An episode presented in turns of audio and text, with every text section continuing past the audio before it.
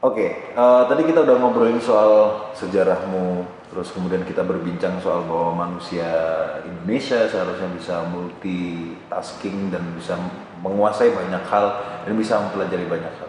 Aku menangkap satu hal yang yang yang penting sepertinya juga untuk dipelajari teman-teman uh, aktor bahwa ada kesadaran yang dipakai oleh Mas Wahono misalnya untuk menyadari bahwa dalam satu waktu yang bersamaan kita belajar lebih dari satu hal.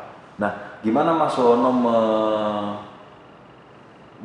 apa ya melatih kesadarannya sehingga sadar bahwa ketika aku sedang melakukan satu hal aku sebenarnya sedang melakukan sedang juga mempelajari banyak hal yang lain. Uh, jadi seperti ini, saya menempatkan diri sebagai uh, taruhlah dalang ya hmm. saya kembali ke dalang kesadaran akan saya munculkan itu ketika saya e, bermain wayang hmm. taruhlah ini ini saya sedang mempelajari tentang bagong hmm. di situ saya menganalisis karakter hmm. oh bagong itu orangnya e, celemongan itu kita berbicara kalau dalam bahasa teater seperti itu karakternya seperti apa kemudian apa namanya background akademiknya mungkin seperti apa background pendidikan ya. Di situ saya sudah mempelajari uh, karakter. Yang kemudian saya akan act-nya. Saya akan tindakannya seperti lah itu sudah mengolah pada wilayah suaranya. Belum nanti berbicara masalah uh, strukturnya. Bagong itu adalah abdi abdi yang abdi di keraton kemudian nanti ada lagi kita berbicara masalah uh, relasi kuasa di situ banyak sekali yang akhirnya dalam satu waktu itu mempelajari banyak sekali.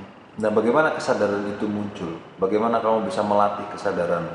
Karena kan tidak banyak orang yang saya ketika aku tadi lagi bikin video sekarang misalnya, kalau kesadaranku cuma satu kan, ya aku sedang bikin video saja, sedang ngobrol aja sama Mas Wono, tidak ada tidak ada kesadaran yang lain. Nah, bagaimana caramu melatih kesadaranmu sehingga bisa tahu bahwa aku mempelajari banyak hal, tidak hanya satu hal dalam satu waktu yang Itu dalam istilah bahasa ini ada faktisitas. Mhm. Bagaimana menggunakan mata ketiga kita menggunakan keberadaan kita, kesadaran itu. Misalkan seperti ini. Layaknya orang naik motor. Eh, awalnya memang itu kesadaran harus dibangun, tetapi ketika itu sudah berjalan, kesadaran itu menjadi tak sadar dan menjadi kebiasaan. Hmm. Kayak orang naik motor yang eh, kaki kiri ngerem, kemudian eh, kaki kiri masukkan gigi, kaki kanan ngerem, yang mata melihat spion, yang satu fokus ke sana ke sana. Hmm. Nah, awalnya seperti itu, tapi saya punya metode sendiri. Hmm. Gitu. Seperti ini, ada satu kekaprahan bahwasanya perdalangan dianggap lenik. Hmm.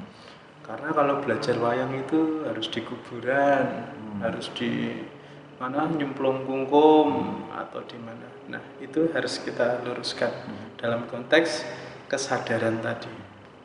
Jadi seperti ini. Uh, karena pedalangan itu mengatur uh, banyak hal yang tidak bisa di uh, facing atau menghadap, taruhlah mengatur belakang, hmm. kemudian mengatur itu indera semua indera itu harus digunakan, hmm. indera telinga, pendengaran, kemudian visual hmm. dan kaki juga untuk memberikan kode yang dikeprak cek cek itu memberikan kode. Nah, metode yang saya gunakan itu untuk melatih itu adalah kekuburan karena yang perlu diketahui di kuburan itu tidak nyuwun sama leluhur. Tidak hanya itu. Misalkan terus wah jaluk mbah. Besok saya mau ujian. Besok saya mau uh, pentas. Kemudian semoga uh, lancar. Tanpa sebuah proses juga nihil artinya. Nah di kuburan itu sebenarnya melatih indera kita, sensitivitas kita menjadi sebuah kreativitas. Jadi karena di dalam tubuh manusia itu terdiri dari dua sel saraf, satu sensorik, satu motorik. Nah, secara konsep di tempat-tempat yang kita takuti dalam kasus ini adalah kuburan, maka eh, sel saraf sensorik kita itu akan bekerja secara optimal sehingga bisa mendeteksi apa pun. Misalkan ada suara ini kucing dari arah jauh, set langsung kedeteksi. Kemudian ada suara rayap, rayap itu apa ya? Bahasanya Indonesianya? Ya rayap. Rayap ya, rayap yang eh, menggerogoti kayu, keras-keras, set. Kemudian up benda jatuh, tek. Nah, sensitivitas itu terus dilatih itu melatih sens- seluruh sensitivitas. Baik telinga, mata maupun ucapan maupun dan itu juga eh, untuk mengendapkan kalau dalam bahasa Jawanya nyemeleh ke hati. Dengan setiap hari dilatih sensitivitasnya itu, maka sensitivitas telinga, sensitivitas mata akan terolah terus. Sehingga bisa melakukan dua hal yang pada saat bersamaan bisa mendengarkan karawitan, bisa menggerakkan wayang, kakinya juga bisa untuk melakukan ngeprak kalau dalam bahasa wayang seperti itu. Berarti kesadaran adalah soal sensitivitas. Sensitivitas. Dan sensitif sensitivitasnya dalam sudut pandang Mas Wahono dilatih salah satunya adalah di kuburan karena ketika ada di sebuah tempat yang kita takuti bilang dalam kasus itu di Dalam kuburan ya, kasus tapi itu. bisa juga di tempat-tempat yang secara individu kita takuti. Hmm. Kalau sudah tidak ditakuti, sensitivitas itu akan berkurang. Oke. Semisal kayak gini, waktu SMP eh, kita takut dengan guru matematika. Dengan ketakutan itu kita secara tidak langsung sudah menganalisis semua yang ada di dia, baik suara sepatu, suaranya. Begitu kita rame, ada suara teplok teplok langsung semua. Karena itu sensitivitas yang kemudian ditangkap oleh kita. Dalam proses itu saya seperti itu. Hmm. Jadi eh, apa namanya? Secara esensial bukan kekuburan sebagai bentuk latihan mistis gitu, bukan. Tapi eh, Kesadaran. kesadaran yang tadi kita diletakkan di suatu tempat yang secara eh, lokasi kita merasa eh, terhimpit atau dalam tanda kutip kayak ketakutan sehingga kemudian eh, sensori kita jadi lebih jadi terlatih yang Iya. biasanya tidak pernah kita latih atau tidak tidak tidak tidak kita sadari bahwa perlu kita latih dan atau atau pernah kita gunakan tapi tidak kita sadari bahwa itu pernah digunakan. Betul. ketika ada di tempat-tempat yang menakutkan buat kita tidak selalu kuburan bisa di tempat-tempat yang lain sensori itu secara tidak langsung dilatih. Iya, optimalisasi. akhirnya kemudian jadi optimal akhirnya kita jadi sensitif. Ketika kita sensitif tingkat kesadaran kita jadi Iya, dan sensitivitas itu adalah eh, kemudian nanti dibekukan menjadi kreatif. gitu, hmm. dalam konteks untuk Hmm. kreativitas. Hmm. Bukan kemudian dialihkan ke tempat yang lain. Hmm.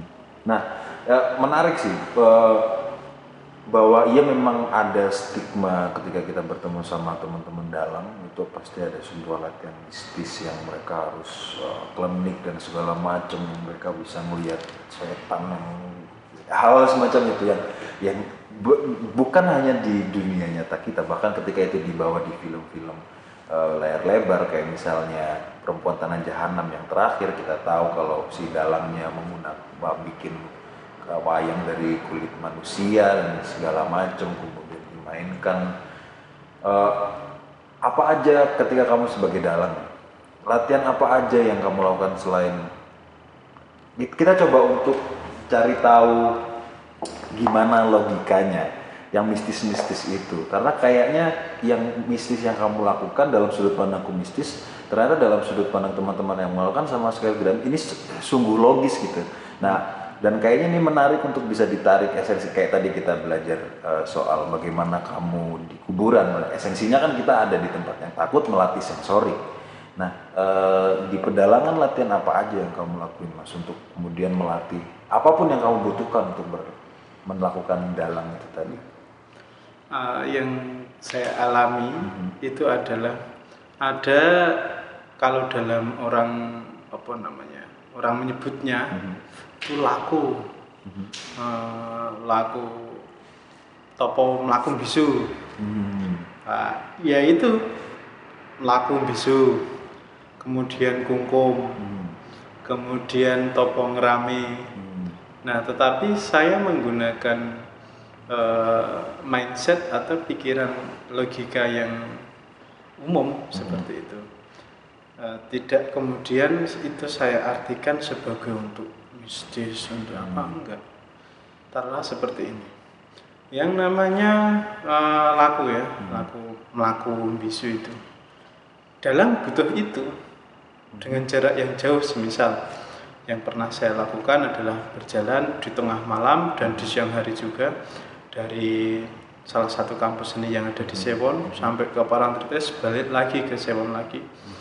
Tanpa minum. Hmm. tanpa minum tanpa bawa apa pun. Kecuali hanya bawa KTP aja. Nah dalam itu dibutuhkan fisik yang sangat kuat. Karena dia harus bilang dari jam 9 sampai jam kalau dulu sampai jam 7 pagi tapi sekarang sebelum azan subuh sudah berhenti artinya ketahanan fisik kita itu diuji Hmm. sehingga latihan fisiknya adalah jalan dari satu titik yang jauh dan kembali lagi Hmm. apalagi fo- focusingnya ke kaki Hmm. karena kaki akan bermain keprak terus cek cek cek cek cek, cek, cek. Itu semalaman kalau nggak pernah diolahraga kan itu akan uh, mempengaruhi kelancaran dalam mendalamnya Hmm. nah kemudian uh, kungkum. Kungkum di tengah uh, pertiga malam. Itu untuk olah nafas. Hmm. olah nafas untuk panjang nafasnya. Karena dalam uh, kondisi waktu jam-jam seperti itu kondisi tubuh kita hangat. Hmm. ketika kungkum di taruhlah sebagai segini. Begitu mak jelok di air biur itu. Kan itu efek yang se- eh, reaksi dadakan kan seperti itu reaksinya. Tapi ketika kita biasa jeruk terus Hmm. kita olah terus. Karena di dalam seni pertunjukan itu tidak hanya di pedalangan ya. Ketika harus membaca teks panjang tiba-tiba nah itu akan kacau semuanya. Jadi misalkan aneh gini gari pundita yang nah, Hmm. itu akan banyak sekali. Hum ilahing awik namastu namus idam awik namastu sral pering juang jagat karono seram tondo kawi sisaning bisono sono senawang. Hmm. itu jika tidak terbiasa dan uh, tidak dilatihkan itu akan tidak lancar dalam pertunjukannya. Hmm. lagi semisal seperti ini. Itu dalam kondisi di tempat yang normal. Hmm. Uh, taruhlah pentasnya di Jogja yang cuaca tidak ekstrim tidak tinggi. Kalau itu kita pentasnya di daerah Dieng atau Wonosobo dan mereka kalau wayangan tidak hanya sehari dua, eh, sehari aja tapi eh, kadang dua hari dua malam kadang satu minggu. Sehingga membutuhkan energi yang sangat kuat. Sehingga tubuh itu harus benar-benar dilatih. Begitu juga dengan eh, nafas dan lain sebagainya. Nah, eh, latihan kayak laku bisu, terus kumkum. Berarti kalau misalnya kita runut dan kita logikakan biologis banget ya. biologis banget Biologis sekali. dan logis kalau sekali. yang lakum bisu itu di psikisnya Hmm. Jadi gini yang pernah saya alami bisa di cross check sama teman-teman isi angkatan saya itu dalam proses perjalanan saya berjalan itu kan tidak berbicara sama sekali bahkan ketika dipanggil juga saya tetap diam dipisui atau di ada yang mengumpat kita juga tetap diam. Itu sama saya memposisikan itu. Oke iki aku pentas. Ini aku pentas. Biarpun orang mencela biarpun orang wah dari penonton wah elek. Ah." ketika kita tanggapi itu akan menjadi eh, merusak konsentrasi. Sehingga oke kita tetap diam saja. Hmm. Dan ada pepatah mengatakan kan ketika sepi ing eh, kita kita diam maka pikirnya sing rame. Maka pikiran kita yang rame ketika kita diam. Ketika kita banyak omong pikir kita kan yang zoom yang kosong kan. Hmm. itu Oke, jadi misalnya di laku bisu kita tidak hanya melatih kaki Iya. saja, melatih tubuh saja, tapi juga melatih ngempet mengontrol, iya ngontrol mengontrol kesadaran, mengontrol perasaan, mengontrol emosi.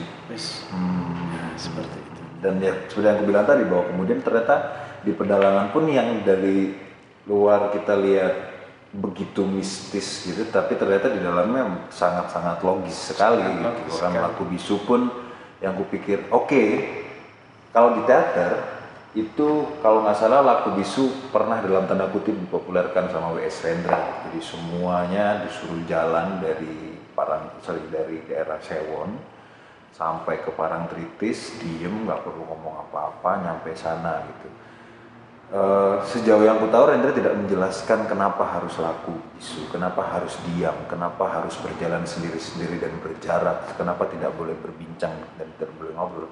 Tapi ketika kita ngobrol tadi, dapat nih logikanya.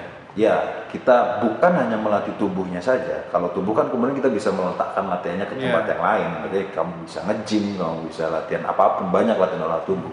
Tapi kemudian ketika kamu laku bisu itu tadi bahwa kamu diam saja yang ka- kata kamu bilang hmm, di tempat umum gitu di mana kemudian akhirnya kayak semacam kayak semacam ini nggak sih mbak introspeksi diri gitu nggak sih mbak bisa kayak semacam berusaha untuk menyadari diri kakiku udah mulai capek nih oh, Iya. ternyata udah mulai sakit tetapi tetap harus jalan tapi tetap harus jalan Iya. artinya eh, selain dia mengontrol emosi dan perasaannya secara nggak disadari karena dia diam itu tadi dan pikirannya yang ramai secara tidak langsung kemudian dia juga, dia juga melatih pikirannya juga. Apa itu yang terjadi juga di Iya. Yesus? Hmm. itu yang terjadi seperti itu dan eh, kita eh, itu lepas dari logis Mhm. yang secara itu secara teoritik Mhm. itu untuk logis itu juga eh, secara psikisnya Mhm. itu kan pasrah kepasrahan diri terhadap Mhm. ilahinya gede karena itu nggak bawa uang nggak bawa apa Mhm. nggak bawa uang nggak bawa minum nggak bawa apa pun nanti nah itu coba bayangkan kalau eh, saya pernah itu kejadiannya di daerah Imogiri itu saya topo bisunya lagu bisunya itu malam hari dan pada saat itu baru eh, sedang marak-maraknya isu orang ninja jadi-jadian itu. Saya tidak boleh ngomong. Sehingga resikonya adalah nanti kalau saya jalan tengah malam tiba-tiba ditangkap mereka diajar masa saya harus tetap diam? Itu adalah totalitas berbicara totalitas. Wes wes mongso borong pasrah gusti. Nanti kalau ada apa-apa wes lah dihajar ya wes rapopo saya diam kayak gitu. Nah ternyata benar yang terjadi. Saya diumpeti terus dibuntuti terus. Pada saat saya mau dari rumah saya ke makam raja-raja balik lagi ke rumah saya. Nah pada saat balik itulah kemudian saya di apa namanya dibuntuti terus. Saya kerasa itu dan sangat kerasa itu dibuntuti. Tetapi begitu sampai rumah dia eh, di kiri kanan menanyakan oh karena background saya adalah waktu itu konsentrasi di pedalangan maka orang yang membuntuti saya itu paham akhirnya oh ini bukan ninja jadi-jadian gitu gitu Hmm. Oke.